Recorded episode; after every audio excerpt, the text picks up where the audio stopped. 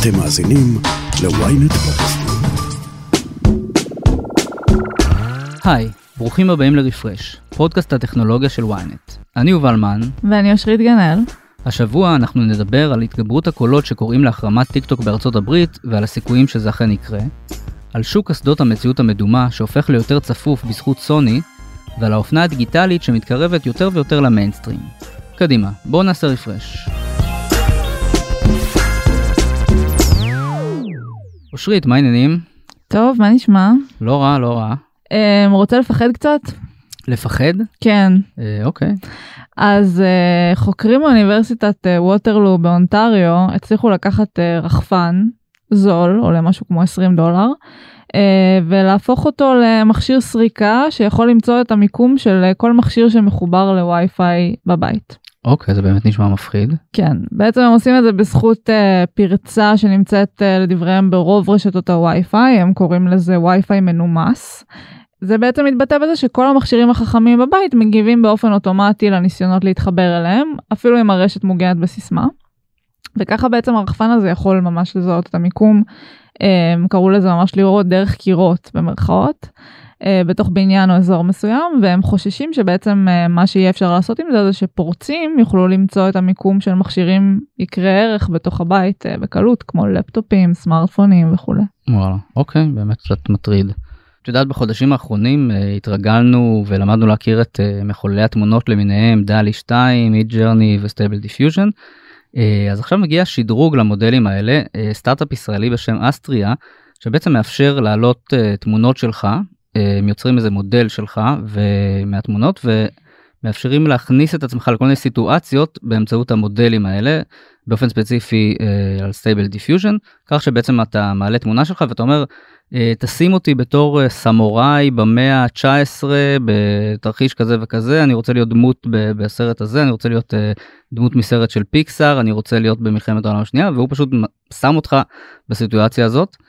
אז זאת ההתמכרות החדשה שלי. כן, יצא לי לראות קצת אה, תמונות כאלה וזה נראה ממש מגניב. כן, זה נראה ממש מגניב. העליתי באמת כמה תמונות לרפרש לקבוצה שלנו וקיבלתי המון המון תגובות. אז יש קצת קאץ', קודם כל זה, זה עולה קצת כסף. זה עולה כרגע 20 דולר כדי לאמן את המודל שילמד בעצם את הפנים שלך ויוכל לייצר בשבילך תמונות. אבל גם מסתבר שזה די קשה לייצר את הפרומפט הנכון. זאת אומרת לא מספיק לכתוב uh, שים אותי בתור uh, לא יודע חייל במלחמת העולם השנייה אתה צריך להיות מאוד מאוד ספציפי uh, וחוץ מזה המודל הזה uh, הוא טוב מאוד בתמונות קלוזאפ אבל כשקצת מתרחקים הפנים קצת uh, מתעוותות uh, אבל זה כיף לשחק עם זה ועקומת הלמידה היא די מהירה. מה קורה בעצם כשמתארים את זה לא מספיק מדויק אתה מקבל תוצאה פחות איכותית? כן אתה גם מקבל תוצאה יותר כללית וגם לא יודע פנים נראים פחות uh, מדויקים יש כל מיני עיוותים אז כמה שאתה יותר מדויק אה, בהוראות שלך אה, המודל מספק אה, תוצאות יותר טובות. טוב זה נשמע כמו צעצוע די מגניב. כן לגמרי. טראמפ ניסה ולא הצליח, האם ממשל ביידן ישלים את העבודה? בשבועות האחרונים נראה שהאפשרות שארצות הברית תאסור על השימוש בטיק טוק או תאלץ אותה למכור את פעילותה חוזרת לסדר היום. זה קורה רגע לפני בחירות האמצע שבהן הרפובליקנים עשויים להשתלט על שני בתי הקונגרס. We're looking at TikTok. We may be banning TikTok. We may be doing some other things. There are a couple of options, but a lot of things are happening. So we'll see what happens. But we are looking at a lot of alternatives with respect to TikTok. אז ברנדן קאר, שהוא אחד מחמשת הנציבים של רשות התקשורת הפדרלית, או FCC, אמר לאחרונה בריאיון לאתר אקסיוס, כי על המועצה להשקעות זרות בארצות הברית לאסור על השימוש בטיקטוק בארצות הברית. והוא לא היחיד, מסתבר שגם בכירים לשעבר בממשל טראמפ, גם מחוקקים רפובליקנים, אה, מעלים שוב את האפשרות הזאת של אה, להחרים את טיקטוק בארצות הברית לסדר היום. כן, בעצם לקאר אה, זה מעניין שדווקא הוא התבטא בנושא הזה, כי לרשות התקשורת הפדרלית, שהוא חלק ממנה, אין באמת סמכות בנושא הזה. אמ, אבל עדיין האמירה שלו גרמה לזה שהמניות של סנאפ ומטה מיד אה, קפצו, הם קצת אה, סובלות בתקופה האחרונה כמו שאנחנו יודעים אז אה, נחמד כן, להם. טיקטוק ש- גונבת להם את המשתמשים. כן, יש להם על מה קצת אה, לשמוח לאיד. אה, אבל מה שמעניין זה באמת שהוא, אה, למרות שלא ספציפית אין אה, סמכות בעניין הזה, יש כל מיני דברים שבאמת קורים מאחורי הקלעים כבר תקופה, ובעצם האיום הזה, החרב הזאת מעל אה, טיק טוק, אף פעם לא באמת הוסרה לחלוטין. כן, צריך להזכיר באמת שטראמפ, אה, זה בעצם היה מין אה, משימת העל שלו, להוביל איסור על השימוש בטיק טוק בארצות הברית. הוא אפילו רקם איזה עסקה שבמסגרתה טיק טוק תיכנס לאיזושהי שותפות עם אורקל ועם וולמארט. כן. הוא ממש תפר את העסקה הזאת, אבל בסוף היא לא יצאה לפועל, ואז שהיא- ביידן נכנס לבית הלבן וזה כבר אה, לא קרה. אה, ובאמת אה, מסתבר שמאחורי הקלעים מתנהלים מגעים בין הממשל האמריקאי לבין בייטדאנס, החברה האם של טיק טוק, לגבי או אפשרות שהיא תמכור את הרשת החברתית באמת לחברה אמריקאית, או אה, על איזה תנאים אחרים שיאפשרו לה להמשיך לפעול בארצות הברית, אולי באמת להעביר את השרתים אה, לארצות הברית. אה, והתזמון הזה מעניין, באמת אה, הקולות האלה שוב מתגברים לקראת הבחירות, אה, יש דיבור על זה שהרפובליקנים השתלטו על שני הבתים של הקונגרס, ואם זה אכן יקרה יכול להיות שאנחנו נראה איזה דחיפה מחודשת לניסיון הזה אה, לאלץ את טיק טוק אה, למכור את הפעילות בארצות הברית, או באמת להפסיק לפעול. כן, אז בעצם החששות כאן הם אה, כפולים. מצד אחד, יש עניין של אה, פרטיות ושל אה, חשש באמת ממש למידע של האזרחים האמריקאים שמשתמשים בפלטפורמה המאוד פופולרית הזאת, שאגב, אה, ארה"ב זה השוק הכי גדול שלה.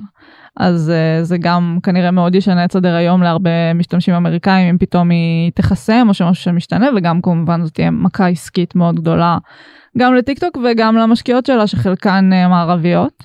ומצד שני מעבר לעניין באמת של המידע והביטחון והפרטיות um, יש כאן את הנושא של קביעת סדר יום. ויש חששות בארצות הברית שברגע שחברה שהיא חברת בת של חברה סינית um, יש לה פלטפורמת תקשורת כל כך גדולה אמ, והם מחליטים בעצם איזה תכנים אפשר לסנן ואיזה תכנים אפשר לדחוף אז הם קובעים את הנרטיב אולי בצורה שהמערב וארצות הברית לא כל כך רוצים שתהיה. כן, למשל יש פה חשש להתערבות זרה בבחירות למשל, או בכלל השפעה על הנוער והצעירים בארצות הברית, אה, וגם אולי קידום של תכנים אה, שסין רוצה לקדם, וצנזורה של דברים שהיא לא רוצה לקדם. אה, אבל צריך להגיד שבאמת טיק טוק עד עכשיו הכחישה את כל ההאשמות האלה נגדה וגם ממשל טראמפ גם ממשל ביידן לא הציגו איזה אקדח מעשן שמעיד על זה שבאמת טיק טוק או בייטדאנס משתפות פעולה עם המשטר הסיני. זה משהו שעוד לא ראינו. טיק טוק מכחישה באופן גורף ומאוד עקבי באמת כבר שנים את הנושא הזה שהמידע מגיע לידיים של, של הרשויות בסין.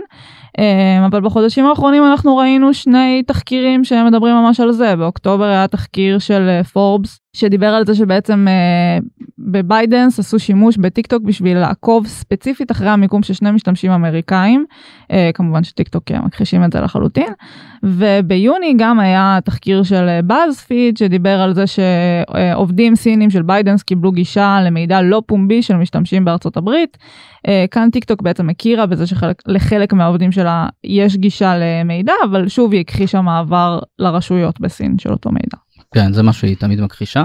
אגב בעיתוי די מוזר טיק טוק הודיע ממש לאחרונה על שינוי במדיניות הפרטיות שלה ככה שעובדים בסין וגם בישראל אגב יוכלו לגשת למידע של משתמשים באירופה. כן, כביכול מה שהם אומרים זה שהמטרה של זה זה להבטיח שהחוויה בפלטפורמה תהיה אה, מהנה ובטוחה, אה, ובשביל זה בעצם הם מאפשרים את הגישה הזאת לעובדים גם בישראל, גם בברזיל, גם בארצות הברית, גם באמת בסין, אה, למרות שזה מידע של משתמשים אירופאים. הם טוענים שזה יהיה בדרכים שבעצם מוכרות ומותרות על ידי ה-GDPR, שזה חקיקת הפרטיות באירופה. וכן זה קצת מעלה שם חששות גם גם שם יש את הרגולטור של המידע באירלנד שיש לו סמכות על טיק טוק בכל אירופה שבעצם יש חקירה שהוא מנהל לגבי מעבר של מידע אישי על ידי טיק טוק לסין. ובאמת מעניין יהיה לראות אה, לאן הנושא הזה הולך בארצות הברית. כרגע גם הוועדה לבחינת השקעות זרות שנמצאת בתוך אה, משרד האוצר בוחנת את ההשלכות האפשריות של אה, טיק טוק על הביטחון הלאומי. אה, בניו יורק טיימס דיווחו בספטמבר שמשרד המשפטים מוביל איזשהו משא ומתן מול החברה לקראת עסקה שקשורה לביטחון. ובעצם אה, במסגרת העסקה הזאת אה, כנראה שטיק טוק ואותם המחוקקים בארצות הברית אה, יסגרו איזושהי תוכנית שבמסגרתה החברה תשנה את מדיניות אבטחת המידע שלה באמת בלי להכריח את בייטדאנס למכור את טיק טוק בתוך ארצות הברית. אבל כמו שציינת קודם, אם אנחנו נראה עכשיו רוב של רפובליקנים בקונגרס, יכול להיות שכל ה... שזה יטרוף את כל הקלפים ושיהיה כאן איזשהו פוש מאוד גדול על הבית הלבן להחזיר את התוכניות של טראמפ. כן, אני חושב שיש איזה חשש רפובליקני שההסכם עם טיק טוק יהיה רך מדי. ולכן שוב מעלים את האפשרות הזאת לסדר היום של ההחרמה הזאת של טיק טוק. אני מאמין שבסוף מה שנראה זה איזשהו הסכם נוסח ההסכם של טראמפ. טיק טוק תכריז על איזה שיתוף פעולה עם אורקל או חברה אמריקאית אחרת וככה זה יפיג את החששות של האמריקאים. אני לא רואה את ארצות הברית מחרימה לחלוטין את טיק טוק זה נראה לי קצת צעד קיצוני. אגב שווה לציין שטיק טוק הכפילה את תקציב הלובי שלה בארצות הברית השנה אז כנראה שהם מרגישים את הסכנות ושחוץ מהחקירות שכבר ציינו יש גם חקירה של בעצם שבעה פרקליטי מדינה בארצות הברית שהקימו קואליציה שחוקרת את ההשפעות של טיק טוק על הבריאות הפיזית והמנטלית על ילדים ומתבגרים ומתמקדים בשיטות של טיק טוק למשוך משתמשים צעירים לבלות יותר זמן בפלטפורמה ולפתוח את האפליקציה בתדירות גבוהה יותר. זה גם נושאים שדיברנו עליהם בעבר בעצם על זה שעשויה להיות ממש פגיעה ברווחה הנפשית של צעירים ומעניין יהיה לראות לאן זה מוביל. כן בטיק טוק אגב אומרים אנחנו בטוחים שאנחנו בדרך להגיע להסכם עם הממשל האמריקאי שיענה על כל החששות הנוגעים לביטחון לאומי. הפסקה קצרה וכבר חוזרים. ynet רדיו הרדיו הדיגיטלי הראשון בישראל מחכה לכם בכל מקום ובכל זמן שתבחרו עם נבחרת המגישים שלנו ומיטב התוכניות ynet רדיו להאזנה באפליקציה ובאתר ynet. התחרות בתחום ה-VR מתחממת והפעם סוני מתכננת להוציא קסדה חדשה. בשביל לדבר על זה מצטרף אלינו חברנו רועי האן. היי. רועי אז סוני הודיע שקסדת המציאות המדומה של הפלייסטיישן VR 2 תושק ב-22 בפברואר 2023 ותעלה 550 דולר. מה עוד אנחנו יודעים על הקסדה הזאת? כן אז זה בעצם הדור השני של הקסדות מציאות המדומה של סוני הקסדה הראשונה הושקה ב-2016. בעיקרון הקסדה הזאת הולכת לעבוד באופן אקסקלוסיבי עם הפלייסטיישן 5 והמחיר שלה כמובן גבוה יותר היא הולכת לעלות 550 דולר רק לשם ההשוואה המתחרה הכי גדולה שלה כיום זה המטה קווסט 2 והמחיר שלה נכון להיום 400 דולר. וזה לפני שאנחנו מחשבים את העובדה שבשביל להפעיל את הקסדה של סוני אתה גם תצטרך פלייסטיישן 5 שזה הופך את זה לדיל של כמעט אלף דולר זה משהו שמאוד חשוב לשים אליו לב. Uh, כבר ראיתי המון אנשים שאומרים uh, בסדר מטה ישיקו בקרוב את הקווסט 3 וישנו את התמונה uh, קשה להגיד מה מטה תשיק. אבל בסדר מהבחינה של סוני המפרט יותר טוב ומציעים מסכים יותר חדים גם בהשוואה לקווסט 2 רזולוציה של 2000 על 2040 uh, פיקסלים לכל עין תמיכה בקצב רענון של 90 או 120 הרץ וזווית צפייה של 110 מעלות זה בפרטים היבשים מה שיותר מעניין. זה תמיכה בכל מיני פיצ'רים חדשים שלא ראינו בתחום הקסדות עד היום. בין היתר רטט מנועי רטט על הקסדה עצמה בניגוד לקסדות שהיום השלטים בלבד מציגים רטט כאן גם הקסדה הולכת להציע מנועי רטט שלפי סוני אמורים לשפר משמעותית את החוויה של המשחק הם נתנו איזושהי דוגמה שנוכל להרגיש דופק של, של הדמות שלנו וכל מיני כאלה שזה נשמע על הנייר נחמד לא יודע איך זה יהיה במציאות ומעקב אחרי האישונים שזה גם מטה עשתה עם הקווסט פרו. שהושק לפני כמה שבועות אבל גם כאן הם טוענים שנוכל בעצם הקסדה בעצם תוכל לעקוב אחרי האישונים שלנו ובעצם ככה לכוון את הזווית צפייה שלנו במשחק ולספק חוויית צפי, צפייה ומשחק אימרסיבית יותר. זה בעצם צפוי להיות שדרוג רציני לעומת הדור הקודם שסוני הוציאה נכון? כן הדור הקודם היה הרבה יותר קדמון הרבה יותר ישן. קודם כל הוא היו צריכים לחבר הוא עבד רק עם הפלייסטיישן 4 והיו צריכים לחבר אליו כמה כבלים זה הייתה מעין רכזת חיבורים כזאת בשביל לחבר אותו וזו הייתה קסדה נורא נורא מגושמת פה זה חיבור כבל עדיין זה לא אלחוטי כמו בקווסט אבל זה חיבור Type C כבל אחד שזה לעצמו כבר משמעותי בעולם של סוני. ושוב כן המפרט יותר מעניין צפוי להיות ביצוע טוב קשה להגיד איך זה יהיה בפועל בעיקר בגלל שסוני עוד לא חשפה מה היו המשחקים הגדולים שלה היא חשפה משחק גדול אחד. ומעבר לזה הכריזה על עוד איזה אני לא טועה 11 משחקים אבל הם לא נראו משהו כאילו מטורף שאת אומרת זה הדור הבא. זה נמצא די בקו אחד עם הסטנדרטים של היום מבחינת המשחקים עצמם ולדעתי יש מקום להתפתח קשה לראות כרגע מה יקרה צריך לחכות ולראות שהיא תגיע לארץ בתקווה ונוכל לנסות אותה גם פה. זהו, בעצם על הנייר נראה שיש לה יתרון מבחינת המפרט על המטה קווסט 2 מצד שני יש לה שני חסרונות שזה אתה חייב להיות בעלים של פלייסטיישן 5 וגם החיבור USB הזה שאתה חייב בעצם להיות מחובר לקונסולה בניגוד למטה קווסט שהוא אלחוטי לחלוטין. אה, מה לדעתך יותר ידבר לגיימרים? תראה אני חושב שעד שמטה לא תשיק את הקווסט 3 יהיה מאוד קשה להגיד מה יותר ידבר למי. Uh, בתכלס אם יש לך פלייסטיישן 5 בבית וכבר הוצאת את הכסף על המכשיר הזה ואתה רוצה VR ואין לך קווסט uh, אז אין ספק שהפלייסטיישן uh, VR 2 יכול להציע uh, uh, פתרון מעניין.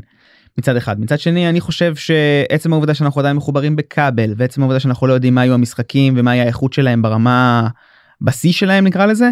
זה קשה מאוד לקחת את הפלייסטיישן כאופציה ריאלית כרגע אני מאמין שזה ייקח זמן עד שיהיה יותר קל להגיד מה יותר משתלם זה גם תלוי מקרה לגמרי זאת אומרת אני בטוח שיהיו גיימרים שיעדיפו את המשחקים של פלייסטיישן ואת האיכות של סוני ברמת המוצר ויש את האנשים שיעדיפו את האלחוטיות ואת הנוחות משתמש של מטא.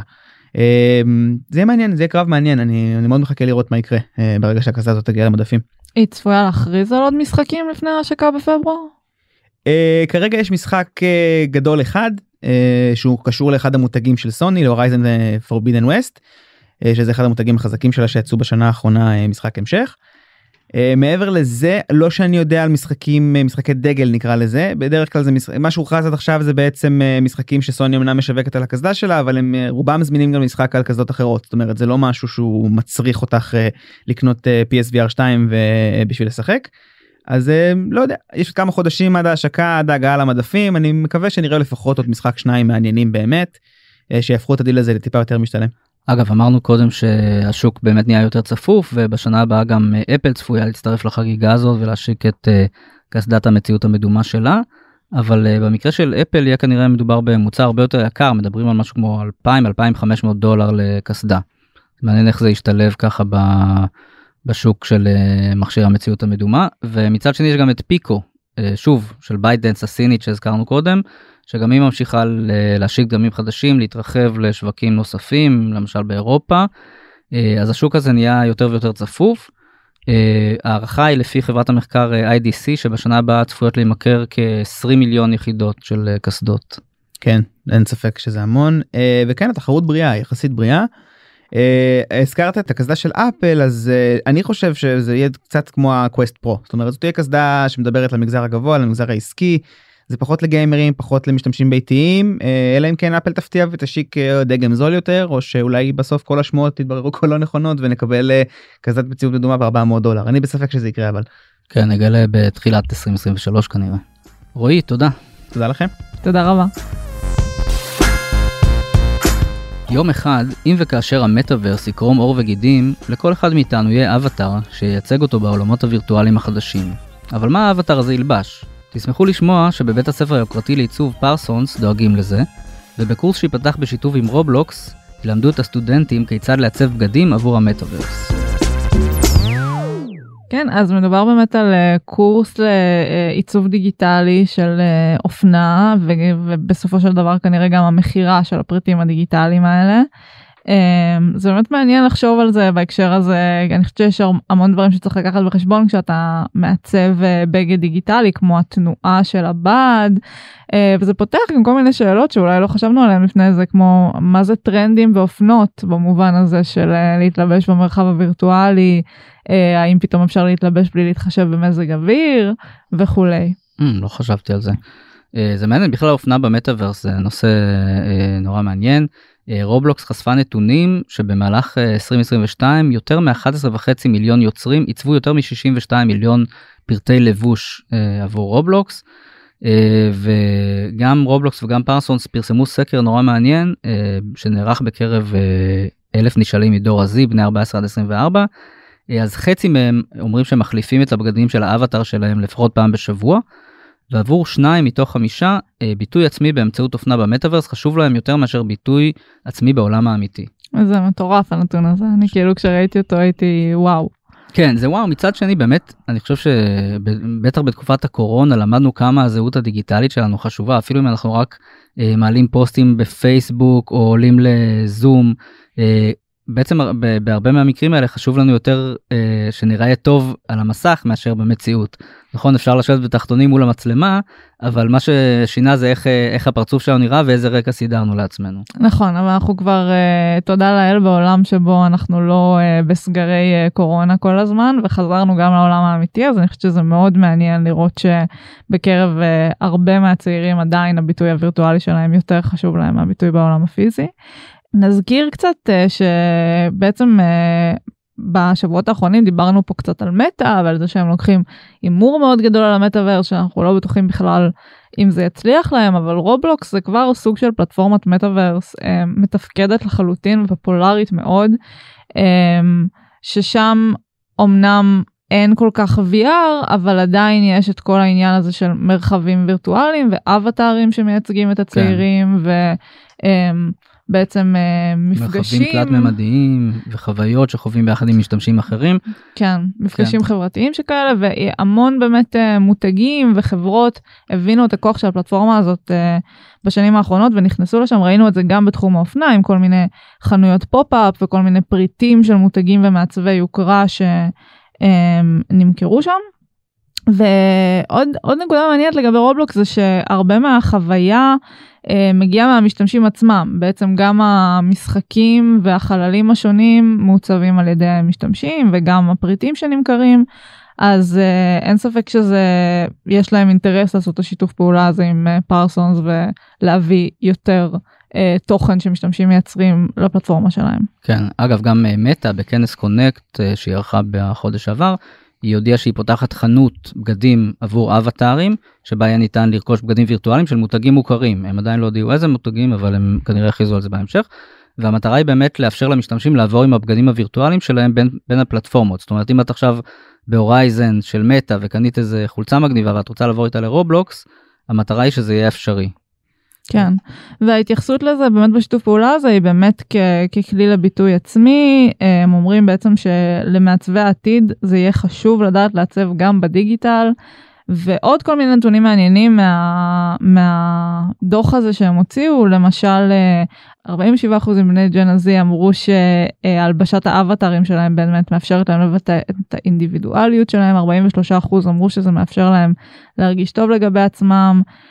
70 אה, אחוז אמרו שהאבטרים מתלבשים במידה מסוימת כמוהם במציאות, אבל 70 אחוז גם אמרו שהם מקבלים השראה בעולם האמיתי אה, מהלבוש שהם הלבישו את האבטרים שלהם. אני חושבת שזה נתונים שבאמת אומרים הרבה על, על הכוח של השוק הזה במובן של אה, אם אני עכשיו מעצבת אופנה אז שווה לי להיכנס לשם כי זה גם אחר כך אולי יגרום לזה שיקנו את הבגדים שלי בעולם האמיתי. Um, שלושה מתוך ארבעה אמרו שהם ישלמו יותר על אופנה דיגיטלית מאשר על uh, אופנה, על פריטי אופנה בעולם האמיתי.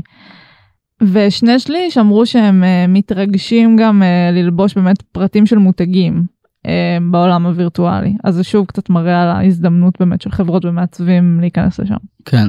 אני חושב שבשנה האחרונה ראינו באמת מין שעטה כזאת של uh, מותגים ומפרסמים אל המטאוורס לכל מיני פלטפורמות.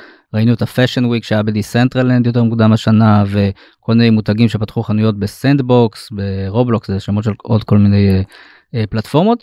אבל באמת מה שחסר בפלטפורמות האלה זה עדיין משתמשים. זאת אומרת המפרסמים כבר שם המותגים כבר שם אבל המשתמשים עדיין לא שם בהמוניהם.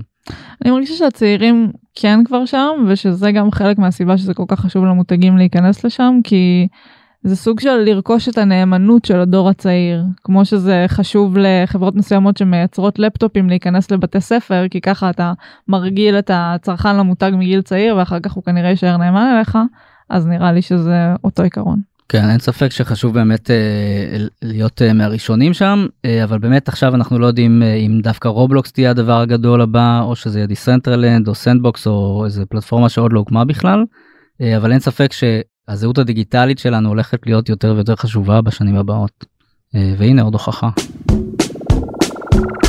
עד כאן Refresh להפעם. כדי להאזין לפרקים הבאים שלנו עקבו אחרינו ב ynet בספוטיפיי או איפה שאתם שומעים פודקאסטים.